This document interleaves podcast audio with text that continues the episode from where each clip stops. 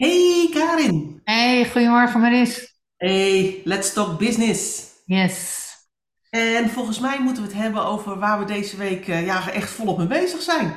En dat Ja, we, we hebben heel wat aan de fiets hangen. ja, dat, dat, dat kun je zeggen. Ehm, ja, wij zijn, wij zijn deze week volop eh, bezig met, eh, met eh, eigenlijk het, het leveren van hulpmiddelen en inzichten, bedrijfskundige inzichten, die gaan helpen om eh, frustratie en stress op het middenveld van de organisatie te reduceren. Ja, En daarvoor hebben we eh, eh, dat model ontwikkeld, hè, die, die vijf krachten voor, op, die inwerken op het middenveld van de organisatie. ja, Ik dacht, dat is misschien ook een mooi onderwerp om deze Let's Talk Business over te hebben. ja. Dat lijkt mij ook. Want het, kenmerk van, van op het middenveld van de organisatie werken is dat je eigenlijk, ja, ik noem het dat maar, op het drukste kruispunt van de organisatie zit.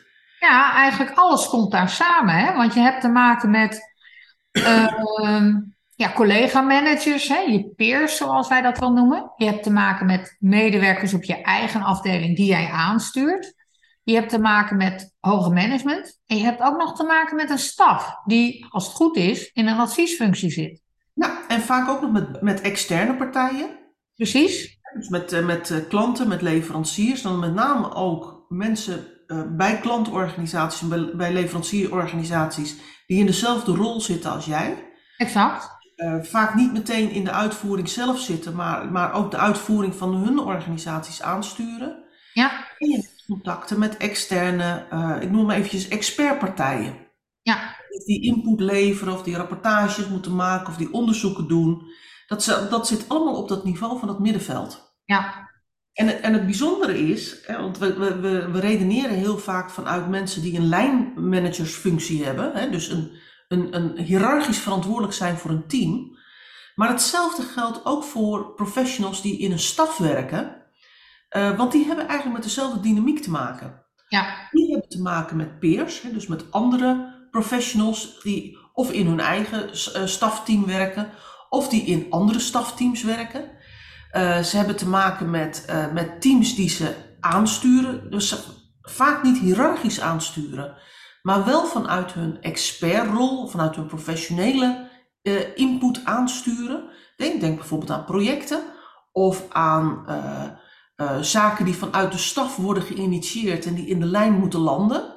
juist. Ja, Daar moeten ze vaak mensen die op een, op, meer op een uitvoeringsniveau zitten, eh, daarin aansturen. En ook daar hebben ze te maken met externe partijen. ja. Ja, of aansturen, eigenlijk faciliteren. Hè? Ik denk bijvoorbeeld aan een HR-rol, eh, waarvan je zegt van ja, dit is een, een, een HR-verantwoordelijkheid, die eigenlijk eh, behoort in de lijn, hè? Waarvan de managers eindverantwoordelijk zijn, maar waarbij de HR, eh, hoofd-HR of de HR-medewerkers faciliteren om uiteindelijk dat stukje HR, wat in het team eh, gelegd wordt en gedragen ook wordt en uitgevoerd moet worden, eh, faciliteert om uiteindelijk het werk gedaan te krijgen. Ja, ja precies. En, En ze hebben vaak wel de overall rol, hè, een soort van regierol, waarbij het hele project eh, inzichtelijk wordt gemaakt en gekeken wordt of iedereen daar zijn verantwoordelijkheid in heeft genomen en tijdig alle werkzaamheden zijn gedaan. En dat is ook de reden waarom wij eigenlijk eh, eh, leidinggevende managers en die stafprofessionals bij elkaar vegen in, onder, de, onder de noemer het middenveld van de organisatie. Exact. Omdat het niet, eigenlijk niet gaat over de, klas, de klassieke benaming middenmanager, Nee. middelmanager, als het op zijn, op zijn Amerikaanse eh, of Anglo-Saxisch benoemt. Maar het, gaat, het is veel breder dan dat. Het, Ja. het gaat, die, die stafmedewerker zit in precies dezelfde dynamiek. Ja. De dynamiek van die, van die verschillende partijen, hè, die rondom zo'n middenveld, middenveld eh, eh, heen werken. eh, daar komt ook, daar komen de opdrachten vandaan, daar komt de werkdruk vandaan, daar, komen, daar hebben de bronnen van frustraties zitten daar. Ja. En dan En moet vergis je niet, soms ook een hele lastige rol. Hè? Als je de rol bekijkt eh, die vervuld wordt in een staf, dan zie je vaak dat er geen verantwoordelijkheid eh, ligt of gedragen wordt. Hè? Want dat, dat, dat hoort vaak in de lijn. wel een faciliterende en registrerende rol. Uh, en uiteraard willen die professionals ook graag dat het werk gedaan wordt en tijdig gedaan wordt, omdat ze belang van de werkzaamheden zien. Ja, precies. Ik noem, ik noem bijvoorbeeld het op orde krijgen van een uh, ziektedossier hè, in het kader van de wet poortwachten. Ja. Heel erg iets uitvoerends. Ja, naar mijn beleving hoort dat echt in de lijn hè, en is een manager daar echt verantwoordelijk voor. Maar ja, wat we toch vaak in organisaties zien, is dat, dat uh, er overwegend, uh, ik zal niet zeggen alle managers, maar toch een groot deel van de managers, dat veel meer als een HR-taak en verantwoordelijkheid ziet. Waarbij het als laatste van zijn werkzaamheden uh, nou, op zijn lijstje staat, of in in de prioriteiten gerangschikt is. En zo'n HR-professional dan wel stevig als wederkerige gesprekspartner in haar of zijn rol moet staan om uiteindelijk het belang onder ogen te brengen. En dit is ook, het is ook wel logisch, hè? Want die, die, als we nou iets weten over het, het werk op het middenveld van de organisatie, is dat juist omdat je op dat, groot, op dat grote drukke kruispunt zit, dat er van alle kanten druk op je wordt uitgeoefend en dat er eigenlijk dat je werk heel moeilijk planbaar is. Ja, klopt. Dus er komt dagelijks heel veel gedoe. Ja. Dat, zijn, dat zijn mailtjes, dat zijn telefoontjes, dat is iemand die binnenloopt, dat is ergens een proces wat klem loopt.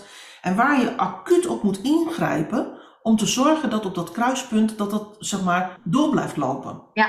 Want als op dat kruispunt de zaken tot stilstand komen, ja, dan gaat alles stilstaan. Ja. Dus het, het werk van op, op het middenveld is heel vaak, uh, heeft een heel hoog ad hoc karakter. Ja, tenminste, als je dat zo laat gebeuren. Want terecht merk jij op, hè? Terecht merk jij op dat in dat kruispunt van die organisatie iedereen van alles van je wil. Ja. Je medewerkers, uh, je peers, want die kunnen dan niet meer verder met hun werk. Hè? Dus echt jouw input uh, nodig. Die professionals hè, vanuit een HR-rol of een andere stafrol, waar je input moet leveren of dingen voor moet doen. Uh, je baas, je leidinggevende. Nou, noem maar op, hè? klanten, leveranciers. Als je niet oppast, ga je dus op de afstandsbediening staan van iedereen en alles. Zij knippen en jij beweegt, hè? Een soort van Pinocchio aan draadjes. En dan zonder de neus, om het zo maar te zeggen. Anders wordt het... Sommigen hebben wel een neus, zal ik zeggen. ja. Maar zo'n pop aan draadjes, die beweegt op het moment dat het draadje omhoog gaat. Dat is eigenlijk mijn bedoeling om de vergelijking mee te maken. En wat belangrijk dus is, als jij manager bent op dat middenveld, hè, dus een, een lijnverantwoordelijke positie hebt op dat drukke kruispunt van het middenveld, is dat je al die werkzaamheden hè, die uh, op je afkomen, al die rollen en de verantwoordelijkheden die je op dat kruispunt hebt, goed in beeld hebt, maar daar wel zelf regie op blijft voeren. Ja. Wat ga je nu doen? Op welk moment? Zonder dat je op onderdelen altijd dezelfde dingen als laatste prioriteit op je lijst neerzet.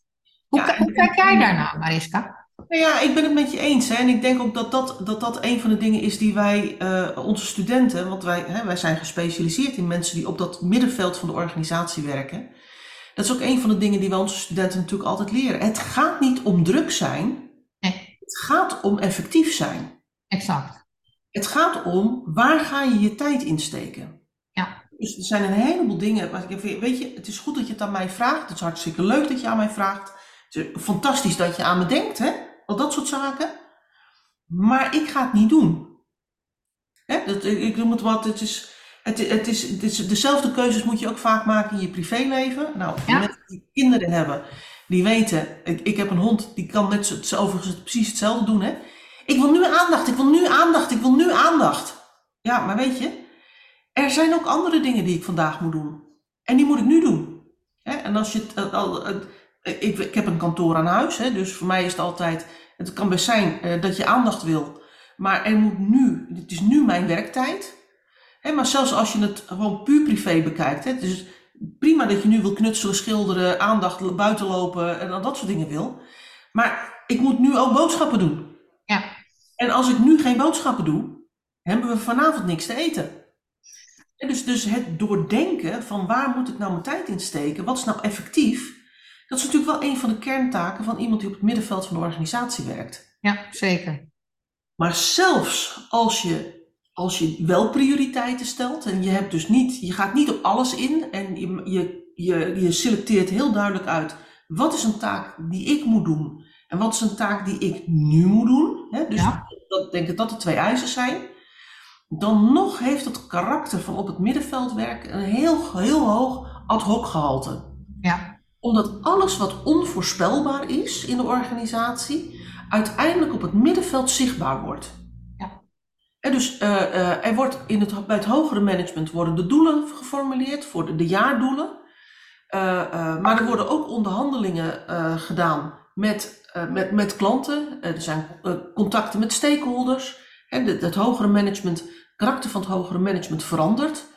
Dat was vroeger met name gericht op het, op het neerzetten van de koers en het bewaken van de koers in de organisatie. En dat hogere management wordt steeds meer extern gericht. Dus daar waar het gaat over contacten onderhouden met stakeholders, met belangengroeperingen, met financiers, met, met aandeelhouders, met de belangrijkste klanten van de organisatie. En daar komen natuurlijk steeds dingetjes uit die, die in de organisatie moeten landen die komen via het middenveld, via dat drukke kruispunt. Ja. En datzelfde, is wat, wat in de uitvoering zeg maar, wel loopt, niet loopt. Leveranciers die niet leveren of die niet een goede kwaliteit leveren. Of klanten die net iets anders willen of het op een ander moment willen.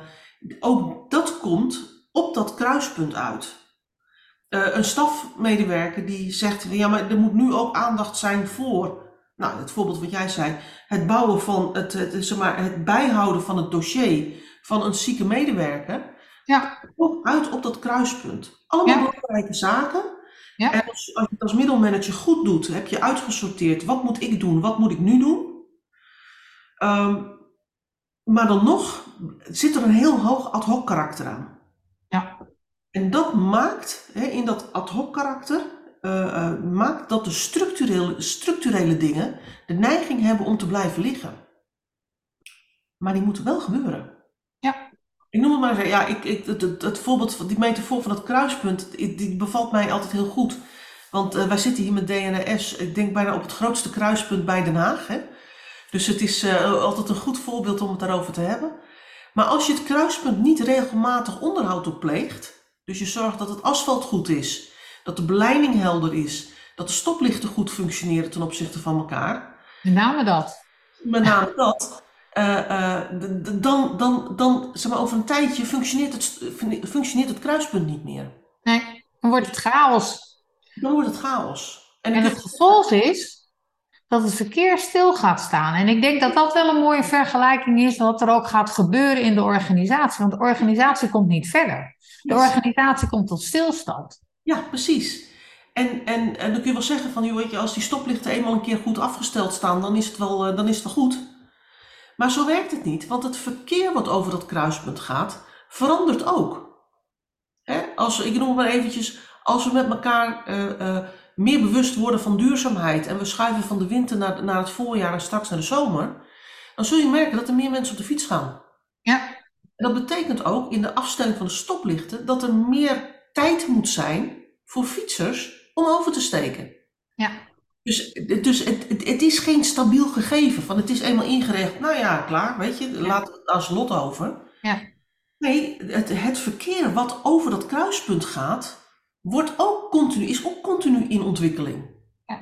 En dat maakt ook dat je ook als middenvelder, als jij de baas bent van dat kruispunt, en dus midden op dat kruispunt staat en verantwoordelijk bent dat de zaken goed lopen over dat kruispunt, dat je continu bezig moet zijn met het herafstellen, heroverwegen, evalueren, reflecteren, ingrijpen, eh, bijsturen.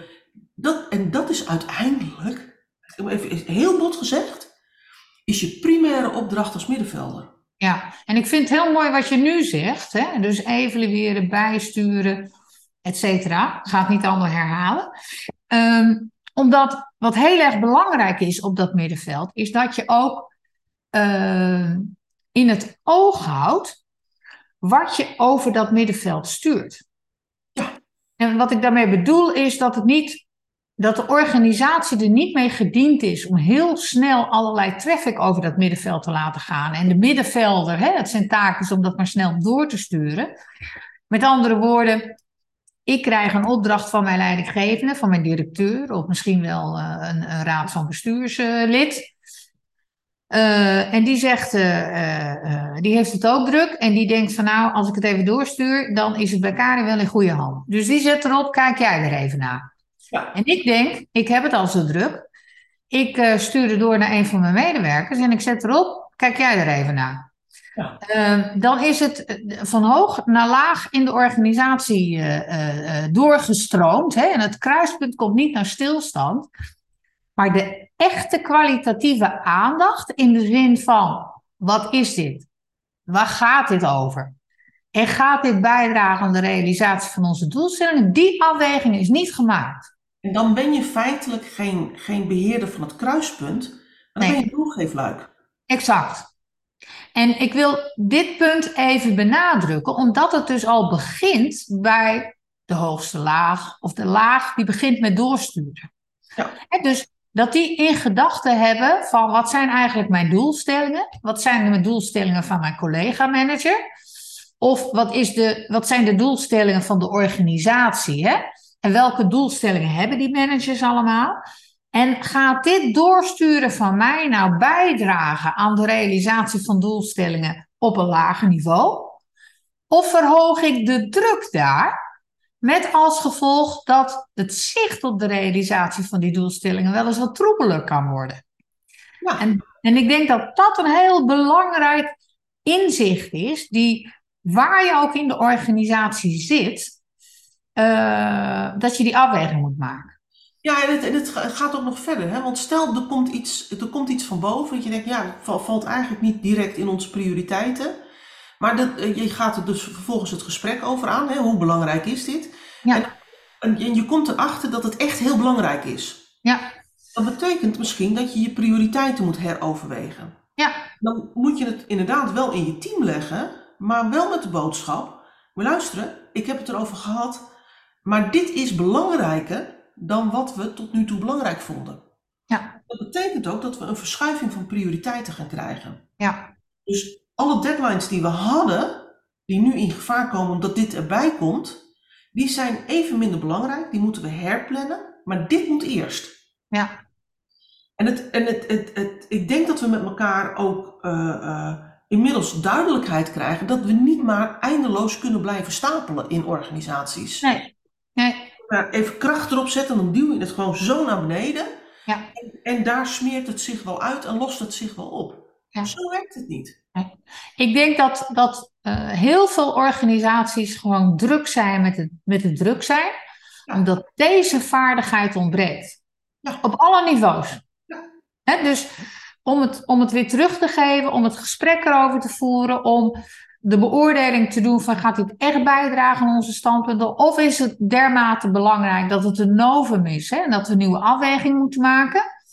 Um, en, als ik dus, en als ik dus dit doe, wat van die andere dingen ga ik dan niet doen? Exact. En, en dat dit dus een heel belangrijke uh, vermogen is van verschillende personen in die verschillende lagen van de organisatie om te ontwikkelen, te hebben of te ontwikkelen, of daar continu aandacht voor te hebben, omdat het A, de organisatie veel effectiever maakt, B, uh, het maakt dat het zicht op de realisatie van doelen helder blijft, hè? het dus niet troebel wordt, waardoor je uiteindelijk druk gaat hebben met andere dingen en de organisatie niet vooruit gaat. En nog een heel erg belangrijke, voorkomt dat mensen een gevoel van stress ontwikkelen het, het, het maar doorleiden in de trant van kijk jij er even na. Of Mariska actie, hè, wat jij vroeger wel eens kreeg. Ja. Uh, maakt dat mensen denken, ja, ik heb nou zoveel op mijn bureau liggen. Ik weet niet meer waar ik moet beginnen. Ik weet het niet. Want alles is belangrijk en ik krijg maar opdrachten van iedereen. En eigenlijk heb ik niet eens meer tijd om mijn werk te doen. Want het enige wat ik doe is in ontvangst nemen van nieuwe opdrachten. Ja. En dan zitten mensen niet meer hier, niet meer hier. Hè? Type water staat aan de lippen, maar, maar, maar zit al lang onder water. En wat je dan krijgt, en, en, en, hè, dat, en, en beide zijn heel gevaarlijk, is dat uh, uh, er mensen zijn die, uh, ik noem eventjes, reageren en gaan prioriteren op degene die het de hardst roept. Ja. Of op de hoogste baas het eerst. Ja. Als je heel hiërarchisch gevoelig bent. Ja. Andere categorie, dat zijn mensen die zeggen, joh, ik heb tien klussen liggen, ik kan er eentje doen, welke vind ik de leukste? Ja. Volgens mij pas jij een beetje in dat uh, bakje. Dit is, dit, dit is mijn strategie altijd. Hè? Ja. Als er te veel dingen ligt, dan ga ik gewoon die dingen doen die. Nou, dat is niet helemaal waar. Maar ik heb wel een voorkeur voor de dingen die ik het leukste vind. Ik Ja. ben, me ook wel bewust van, zeg maar, wat de dingen zijn die, die maken dat anders de, de zaak tot stilstand komt. Die moeten ook aandacht. Nee, zeker. Het was een grapje. Het is ook meer, meer een, een, een, een relatie van de Mariska die ooit nog eens een keer in loondienst eh, was in een ver verleden. Ja, Ik toen ken je, deed ik ken je tegenwoordig anders. Maar toen maakte ik echt keuzes. Ik deed gewoon de dingen die ik leuk vond als het heel druk was. Ja. En, ehm, en je hebt nog een categorie. Als je, daar, als, als je daar heel goed in bent, kom je met heel veel dingen weg. Ja, Maar de organisatie wordt er niet beter van. nee. Dus ik laat dit nou niet een oproep worden om eh, met heel veel dingen weg te komen. Nee. Ehm, kijk, en je hebt nog een categorie. Een categorie tussen die tien prioriteiten, hè, er is maar ruimte voor één. Zelf gaat nadenken over wat zou het beste voor de organisatie zijn. Maar ja, als, als, als 15 mensen dat doen, dan krijg je 15 verschillende uitkomsten. Nou, dat niet En- alleen. Maar je, die keuze wat goed is voor de organisatie, wordt ook gemaakt vanuit het, vanuit het niveau en de, het perspectief wat, Ja. die, wat die medewerker heeft op wat het belang van de organisatie is. Ja. En, dan, en, dan, en dan krijg je uiteindelijk dat weliswaar strategie geformuleerd wordt op het hoogste niveau. Hè? De koers wordt uitgezet op het hoogste niveau. Maar dat de facto de koers wordt bepaald door de werkvloer. Yes. En, dan, en, en dat is niet per definitie verkeerd, maar daarmee realiseert, blijft de organisatie wel in het hier en nu. En ontwikkelt zich dus niet naar het toekomstig bestaansrecht toe. Nee. En dat Exact. is korte termijn vaak heel prima, werkt dat best. Maar op de langere termijn kan dat het einde van de organisatie betekenen. Ja. En, en ik, ik vond het mooi om hier met elkaar over te hebben. En ik denk ook dat we de, de highlights van, van die vijf krachten eh, en het belang daarvan eh, wel goed benoemd hebben in deze podcast. Ja, denk ik ook. En ik, ik, maar ik vond het met name ook belangrijk om te bespreken, omdat we vandaag nog, laatste dag van deze actie, eh, een werkboek eh, voor iedereen beschikbaar hebben. Juist over die vijf krachten die in die organisatie werken, op dat middenveld. En dat werkboek helpt je om meer zicht te krijgen op wat speelt er nou in mijn situatie in die vijf krachten. Exact. Welke keuzes kan ik daarin maken? Welke prioriteiten moet ik daarin stellen? Ja. En morgen, en dat is misschien ook heel leuk om te noemen, morgen is dat werkboek niet meer te krijgen, want dat, dat is vandaag voor het laatst. Maar morgen komen we met een e-book. En dat e-book gaat over een van de meest voorkomende frustraties van mensen op het middenveld van de organisatie. En dat mag ook duidelijk zijn als ik het straks vertel met alles wat we net hebben verteld. En die frustratie is, mijn collega doet niet wat hij zegt. Nee. Ja, dat hebben we opgehaald in ons onderzoek, toch? Ja, precies. Ja. precies. En eh, na alles wat we net besproken hebben, als je op dat midden, als, op, als je op dat kruispunt zet en je verwacht dat iemand eh, zeg maar iets levert waardoor je met dat kruispunt zeg maar het, het allemaal goed kunt managen wat daar gebeurt, Ja, en jij weer verder kunt, hè, met je en werk. je dus weer verder kunt, Ja. en diegene levert niet, of de levert te laat, of de kwaliteit is gewoon slecht, ja, dan, dan, dan, dan, dan kun jij je werk niet doen. Nee. Ja, en hoe ga je daar nu mee om? Daar zit dus heel veel, blijkt, heel veel frustratie en heel veel werkstress onder. Ja. En in dat e-book wat, we morgen- wat we morgen zeg maar, gaan weggeven, eh, behandelen we dit fenomeen in termen van waar komt het nou door hè, dat die collega niet, niet doet wat hij zegt? En wat kun je daar nou aan doen als middenvelder? Ja. Dus het lijkt mij gewoon een heel praktisch, zowel het werkboek wat we vandaag nog weggeven, als het e-book wat we vanaf morgen weg gaan geven. Het lijken me gewoon hele nuttige, ja, zoals wij altijd zijn, hele praktische, inzichtgevende zaken, waar je als middenvelder gewoon meteen je voordeel mee kunt doen. Dus ik zou zeggen, ja, vandaag nog even voor dat werkboek gaan, hè? in het kader van de krachten van het middenveld. Erg nuttig. En kijk morgen nou eens naar dit e-book. Want ook daar kun je op korte termijn veel voordeel mee behalen. En in ieder geval ervoor zorg dragen dat je uh, minder last hebt van datgene wat zich voordoet. Ja, en dan kun je je afvragen van, waar, kan ik dat dan vinden? Nou ja, dat is, dat is altijd te roepen, maar dat... Uh, ingewikkeld, ingewikkeld. Het is helemaal niet ingewikkeld. Want we hebben op al onze social media, maar ik, als ik je een tip mag geven, zou ik zeggen, ga naar onze LinkedIn pagina. Dus je googelt op LinkedIn even naar DNS. En dan uh, zie je ons oranje logootje vanzelf verschijnen. Er zijn natuurlijk meer organisaties, met name in het buitenland, die ook DNS hebben als een van hun, uh, hun namen. Maar het is DNS Business School. We hebben dat oranje logootje. Uh, klik dat even aan. Volg onze pagina. Want dan weet je ook zeker dat alle acties die we de komende tijd gaan doen, dat je daar zicht op krijgt en dat je daar aan mee kunt doen. Want we gaan gewoon weer een heleboel tips en tricks weggeven. We gaan het, weet je, het is het leuke, ik noem het altijd maar, wij zijn een kleine business school, bij ons hoeft niet alles commercieel te zijn. Dus we geven gewoon heel veel van onze inzichten weg. Volg onze LinkedIn pagina en je bent altijd op de hoogte van alles wat we, wat we doen uh, wat we op dat moment aan het weggeven zijn, wat we aan het delen zijn.